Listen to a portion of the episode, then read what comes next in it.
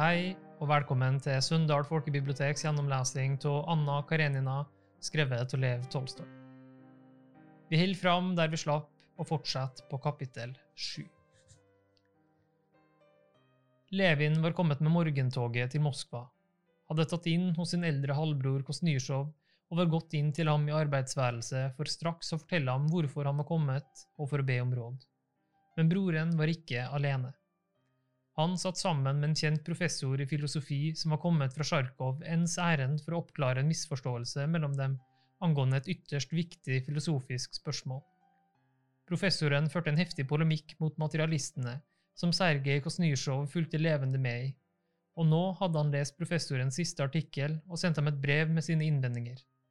Han bebreidet professoren at han hadde gjort for store innrømmelser overfor materialistene, og professoren var øyeblikkelig kommet for å drøfte saken.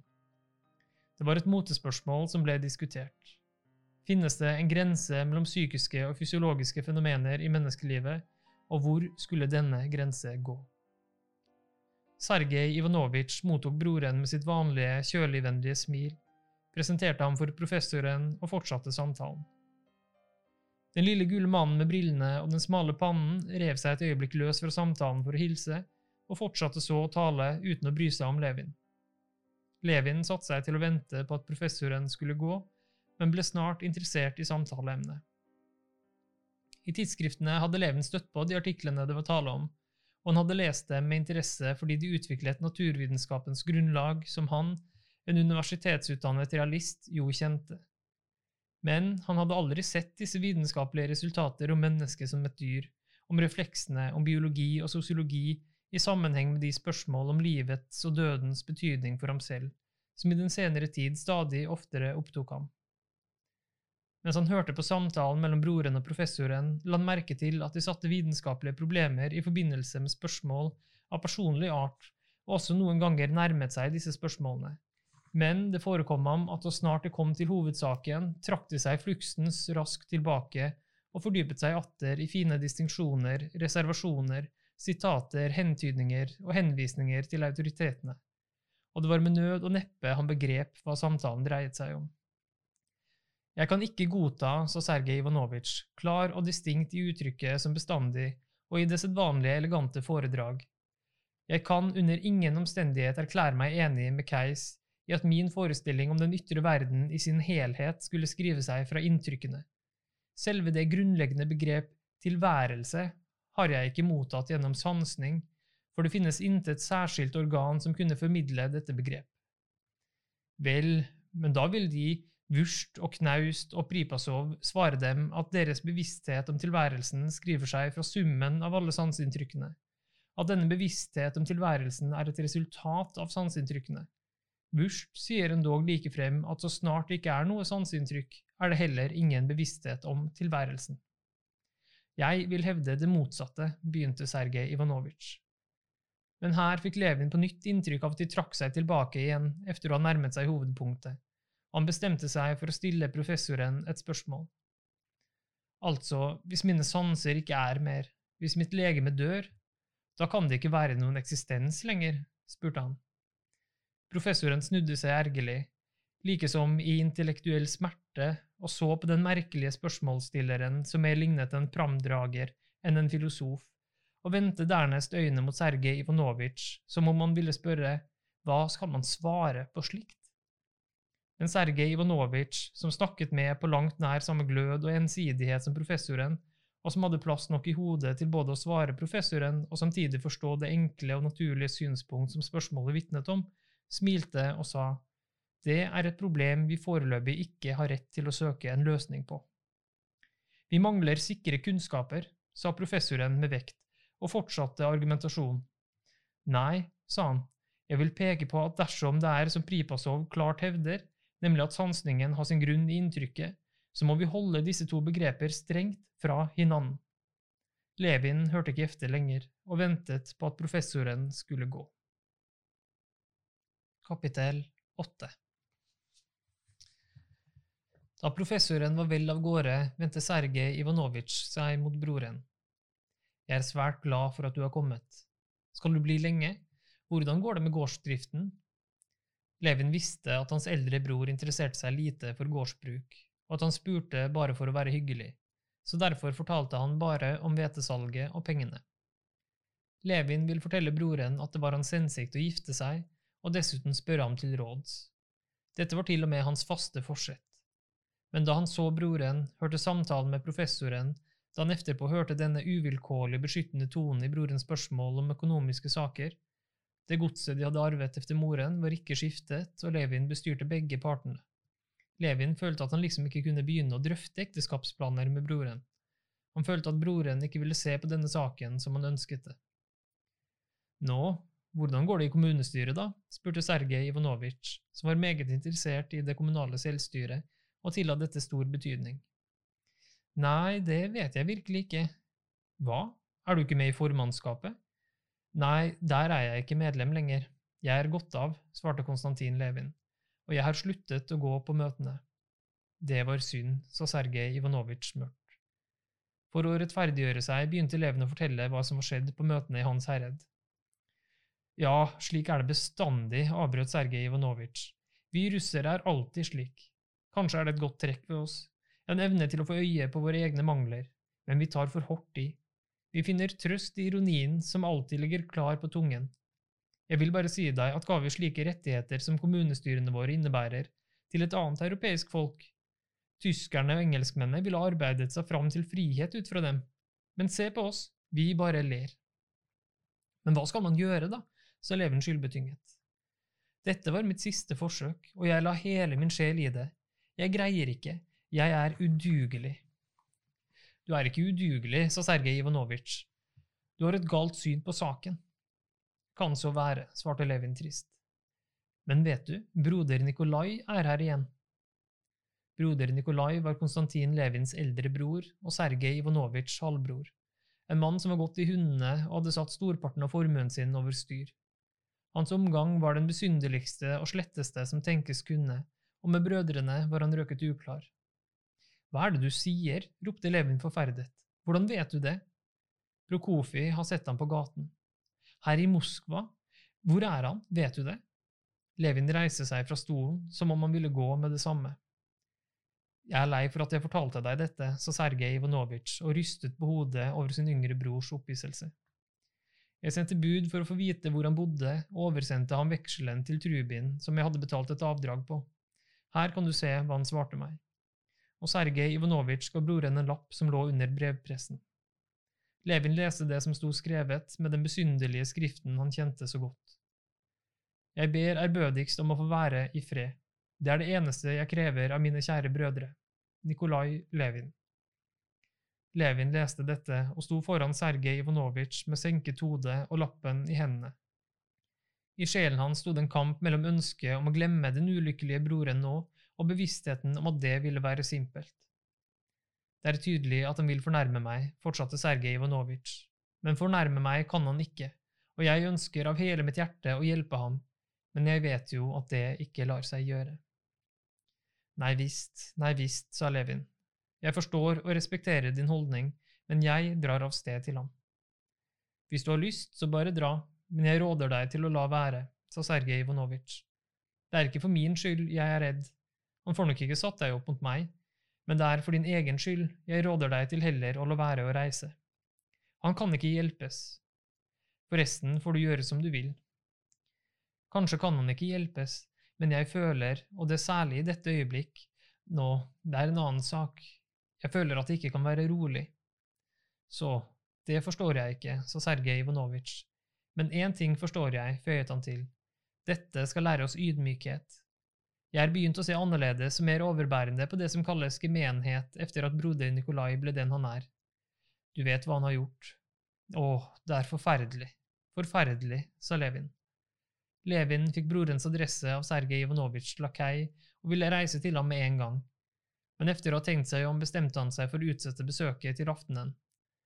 Det han først av alt måtte gjøre for å få ro i sjelen, var å oppnå en avgjørelse i den saken som hadde brakt ham til Moskva. Fra broren var Levin reist til Oblonskijs kontor, og etter å ha fått beskjed om Tsjetsjerbatskijs dro han dit han hadde hørt han kunne treffe Kitty. Kapittel 9 Klokken fire steg Levin med bankende hjerte ut av drosjen ved Dyrehaven og fulgte gangveien inn til akebakkene og skøytebanen. Der var han sikker på å finne henne, for han hadde sett Tsjetsjebatskijs vogn ved inngangen. Det var en frostklar dag. Ved inngangen sto vogner, sleder, drosjer og gendarmer i rekke og rad. Ved inngangen og på de oppmakte veiene vrimlet det av fint folk med hatter som skinte i det skarpe sollyset, der de gikk mellom de russiske hyttene med utskårne møner og havens gamle, ranke bjerker sto med grener nedtynget av sneen og så ut som om de hadde fått nytt høytidsskrud. Han gikk på veien til skøytebanen og sa til seg selv, du må ikke bli opphisset, du må være rolig. Hva er du urolig for, hva vil du? Ti stille, Dumrian, sa han til hjertet sitt, og jo mer han anstrengte seg for å være rolig, dess mer måtte han hive efter pusten. En bekjent kom imot ham og ropte på ham, men Levin så ikke hvem det var engang. Han gikk bort til akebakkene. Der sang det i lenkene på kjelker som for utfor eller ble dratt opp. Det larmet av susende meier og ljomet av glade stemmer. Han gikk enda noen skritt, og foran ham lå skøytebanen, og straks så han blant alle skøyteløperne henne. Han visste at hun var der, på gleden og redselen som fylte hjertet. Hun sto i den andre enden av banen og snakket med en dame. Det så ikke ut til å være noe spesielt, verken med hennes drakt eller figur, men Levin hadde ikke større vanskeligheter med å kjenne henne igjen i mengden enn med å finne en rosenbusk blant nesler. Alt lånte lys fra henne. Hun var smilet som kastet glans over alt omkring. Kan jeg virkelig gå dit, ut på isen bort til henne, tenkte han. Stedet hvor hun var, sto for ham som en utilgjengelig helligdom, og et øyeblikk var han nær ved å snu. Så redd var han. Han måtte gjøre vold på seg selv og tenke som så at alskens folk for omkring henne, og at han selv også bare kunne spenne på seg skøytene. Han gikk ned mot isen og lot være å se på henne lenge av gangen, slik man ser på solen, men han så henne akkurat som han ser solen, også når han ikke så på henne. På denne ukedagen og på denne tiden av dagen pleide folk av en bestemt krets hvor alle kjente hverandre, å samles på isen. Her var både mestere som riktig viste sin kunst, og nybegynnere som gikk bak kjelkeryggen med engstelige og klossete bevegelser. Både guttunger og eldre folk som gikk på skøyter for helsens skyld. I Levens øyne var de alle lykkelige utvalgte fordi det var her, i nærheten av henne. Det så ut som alle skøyteløperne fullstendig likegyldig gled forbi henne, tok henne igjen, endog snakket med henne og moret seg uten tanke på henne, i glede over den gode isen og det vakre været. Nikolai Tsjesjebatskij, Kittys fetter, satt på en benk i kort jakke, eftersittende bukser og med skøyter på bena, og da han fikk øye på Levin, ropte han til ham. Nei, Russlands skøyteløper nummer én, har du vært der lenge? Isen er prima, få på dem skøytene. Jeg har ikke skøyter, svarte Levin, forbauset over denne dristigheten og naturligheten i hennes nærvær. Han tapte henne ikke av syne et sekund, enda han ikke så på henne. Han følte at solen nærmet seg, hun hadde stått i et hjørne, og nå rettet hun på de små føttene i de høye støvlene og gled mot ham, tydelig sjenert. En gutt i russisk drakt for forbi henne mens han veivet avsindig med armene og bøyet seg nesten tvekroket. Hun var ikke helt stø på isen. Hun tok hendene ut av en liten muffe som hang i en snor, og holdt dem klar. Og da hun så på Levin og kjente ham igjen, smilte hun til ham over sin egen engstelse. Vel ferdig med svingen tok hun et tak med den spenstige lille foten og styrte rett bort til Tsjetsjeblatskij, grep armen hans og sendte smilende Levin et nikk. Hun var enda skjønnere enn han hadde forestilt seg. Når han tenkte på henne, så han hele henne levende for seg, ikke minst dette vakre, lille, blonde hodet, preget av barnlig klarhet og godhet, der det kneiset fritt over de velskapte pikeskuldrene. Det barnlige uttrykket i ansiktet hennes skapte sammen med skikkelsens fine skjønnhet hennes særegne ynde, den han så godt husket. Men det som like overraskende slo ham hver gang, var uttrykket i øynene hennes, milde, fredfylte og sanddrue, og aller mest smilet hennes, som hver gang tok Levin med til en fortryllet verden hvor han følte seg beveget og opprømt, slik han kunne huske han hadde vært en sjelden gang som ganske liten gutt.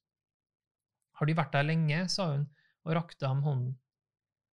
Takk skal De ha, la hun til da han tok opp lommetørkleet som var falt ut av muffen hennes. Jeg? Jeg er kommet ganske nylig. I, I, går… Nei, i dag var det, svarte Levin, som var så urolig at han ikke forsto hva hun spurte om med en gang. Jeg ville besøke dem, sa han, og ble straks forvirret og rød da han husket hvorfor han hadde oppsøkt henne. Jeg visste ikke at de gikk på skøyter, og det endatil flott. Hun så granskende på ham, som om hun ville finne grunnen til forvirringen hans. Deres ros må man legge vekt på. Her forteller ryktet at de er en fremragende skøyteløper, sa hun og børstet rimnålene som var falt ned på muffen, bort med den lille hånden i sort hanske. Ja, jeg var en gang en lidenskapelig skøyteløper. Jeg ville bli fullkommen. Det er visst lidenskapelig de gjør, sa hun og smilte. Jeg ville så gjerne se hvordan de går. Kan de ta på dem skøyter, så går vi sammen. Gå sammen? Men er det virkelig mulig? tenkte Levin og så på henne. Nå skal jeg ta dem på meg, sa han, og han gikk for å spenne på seg skøytene. Det er lenge siden det har vært hos oss nå, sa oppsynsmannen mens han holdt foten hans fast og skrudde skøytehæren på. Siden deres tid har ingen av herrene vært noen mester. Er det i orden slik? spurte han og strammet remmen. Fint, fint, vær bare rask, er De snill, svarte Levin, og greide bare med nød og neppe å holde tilbake et lykkelig smil som absolutt ville frem. Ja, tenkte han, dette er livet, dette er lykken. Sammen, sa hun, så går vi sammen. Skal jeg si det til henne nå? Men jeg er jo redd nettopp fordi jeg er lykkelig, lykkelig bare ved håpet, men efterpå? Men jeg må, jeg må, jeg må, vekk med svakheten. Levin reiste seg, la bort frakken, tok noen tak på den knudrete isen ved skuret og styrtet ut på glattisen, hvor han gikk så ledig omkring at det så ut som han bestemte fart og retning bare med viljen. Han kom engstelig mot henne, men nok en gang ble han beroliget av smilet hennes. Hun bød ham hånden, og de gikk side om side, stadig fortere, og jo større farten ble, jo fastere ble taket i hånden hans. Med dem ville jeg nok blitt utlært fortere, av en eller annen grunn har jeg tiltro til dem, sa hun til ham. Og jeg har tiltro til meg selv når de støtter dem til meg, sa han, men han ble straks redd for det han hadde sagt, og rødmet. Og ganske riktig, ikke før han hadde uttalt disse ordene, så mistet ansiktet hennes plutselig all sin vennlighet, akkurat som solen forsvinner bak skyene, og Levin så det velkjente minespillet som røbet at hun tenkte hardt. En liten rynke sprang frem på den glatte pannen hennes. Det er vel ikke skjedd noe ubehagelig?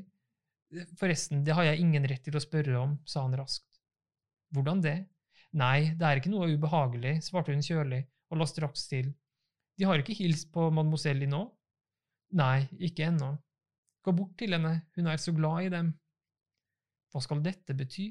Jeg har fornærmet henne, herregud, hjelp, tenkte Levin og løp bort dit den gamle franske frøkenen med de grå lokkene satt. Hun smilte så alle de innsatte tennene syntes, og tok imot ham som en gammel venn. Ja, vi vokser da, sa hun og så på Kitty, og blir eldre. Tiny Bear er alt blitt stor, fortsatte den franske frøkenen leende og minnet ham om at han for spøk hadde kalt de tre frøknene tre bjørner efter et engelsk eventyr. Husker de at de pleide å kalle henne det? Han kunne slett ikke huske det, men hun hadde ledd av denne spøken en tiårs tid allerede og likte den. Nå kom de ut på isen igjen, men vår lille Kitty begynner å bli flink, ikke sant? Da Levin på ny gled bortover mot Kitty, var ikke ansiktet hennes strengt lenger. Øynene så ærlig og vennlig på ham som før, men Levin syntes det var et eget, villet, rolig drag i det vennlige uttrykket hennes, og han ble trist til sinns. Da hun hadde snakket om den gamle guvernanten sin og de besynderlige innfallene hennes en stund, spurte hun hvordan han hadde det. Kjeder de dem virkelig ikke på landet om vinteren, sa hun, Nei, jeg har så mye å gjøre, sa han og følte at hennes rolige tone fikk makten over ham, og at han ikke ville klare å bryte ut av den, akkurat slik det var gått tidlig i vinter. Skal du være her lenge? spurte Kitty. Jeg vet ikke, svarte han uten å tenke over hva han sa. Det slo ham at hvis han lot denne rolige, vennskapelige tonen hennes få makten over ham, så ville han reise uten å ha avgjort noe som helst, og han bestemte seg for å gjøre opprør. Hvorfor vet jeg ikke det? Jeg vet det rett og slett ikke. Det avhenger av dem, sa han, og ble straks fælen over hva han hadde sagt. Enten hørte hun ikke hva han sa, eller så ville hun ikke høre det. Hun så i alle fall ut som hun snublet, støtte den lille foten tre ganger mot isen og skyndte seg bort fra ham. Hun gled bort til mademoiselle Linot, sa noe til henne og bega seg så til skuret hvor damene tok av seg skøytene. Herregud, hva har jeg gjort? Herre min Gud, Hjelp meg, lær meg, ba Levin høyt, og følte samtidig trang til å komme i heftig bevegelse, tok tilløp og begynte å gå i store og små sirkler. Mens dette sto på, kom en av de unge mennene, den beste av de nye skøyteløperne, ut fra kafeen med sigarett i munnen og skøyter på bena. Så tok han fart og satte med hopp og larm utfor trappen. Han fløy ned og seilte bortover isen uten å måtte forandre den ledige armstillingen en gang. Nei, det var et nytt kunststykke, sa Levin og sprang straks opp trappen for å gjøre dette nye kunststykket. Pass dem så de ikke slår dem i hjel, det skal øvelse til, ropte Nikolai Tsjetsjerbatskij etter ham. Levin var kommet opp trappen, tok fart så godt han kunne der oppe og satte utfor mens han balanserte med armene under den uvante bevegelsen. På det siste trinnet hang han igjen, men han tok bare så vidt ned isen med hånden, gjorde en kraftig bevegelse, rettet seg opp og gled leende videre. Så kjekk og søt han er, tenkte Kitty, som akkurat da kom ut av skuret sammen med mademoiselle Linot, og så på ham med et stille, varmt smil, som man ser på en kjær bror. Og er det kanskje jeg som er skyldig? Har kanskje jeg sagt noe galt? De kaller det koketteri. Jeg vet at det ikke er ham jeg elsker, men allikevel synes jeg det er så morsomt å være sammen med ham, og han er så kjekk.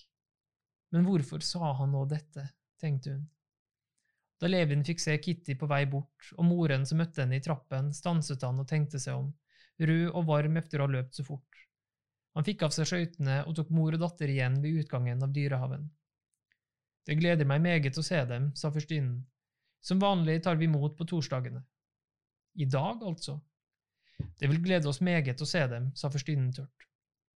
Dette tørre svaret støtte Kitty, og hun kunne ikke la være å glatte over morens skulder. Hun vendte hodet og sa med et smil, På gjensyn. Just nå kom Stepan Arkadic inn gjennom porten som en glad triumfantor med blustende ansikt, skinnende øyne og hatten på snei.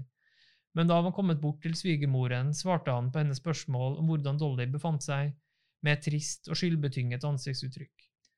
Da han hadde snakket lavt og sørgmodig med svigermoren en stund, skjøt han brystet frem og tok Levin under armen. Nå, skal vi dra? spurte han. Jeg har tenkt på deg hele tiden, og jeg er meget, meget glad over at du er kommet, sa han og så ham betydningsfullt i øynene. Ja, vi drar, svarte den lykkelige Levin, som stadig hørte klangen av stemmen som hadde sagt på gjensyn, og så smilet det hadde vært sagt med. Til Angleterre eller Eremitasjen? Det er det samme for meg. Vel, så reiser vi til Angleterre, sa Stepan Arkadic. Angleterre valgte han fordi han skyldte mer der enn i Eremitasjen, av den grunn syntes han det ville være uriktig å holde seg borte fra denne restauranten. Har du en drosje? Fint, for jeg har sendt vognen min hjem. De to vennene sa ikke et ord under hele kjøreturen. Levin grunnet over hva denne forandringen i Kittys ansiktsuttrykk skulle bety. Snart forsikret han seg selv om at det var håp.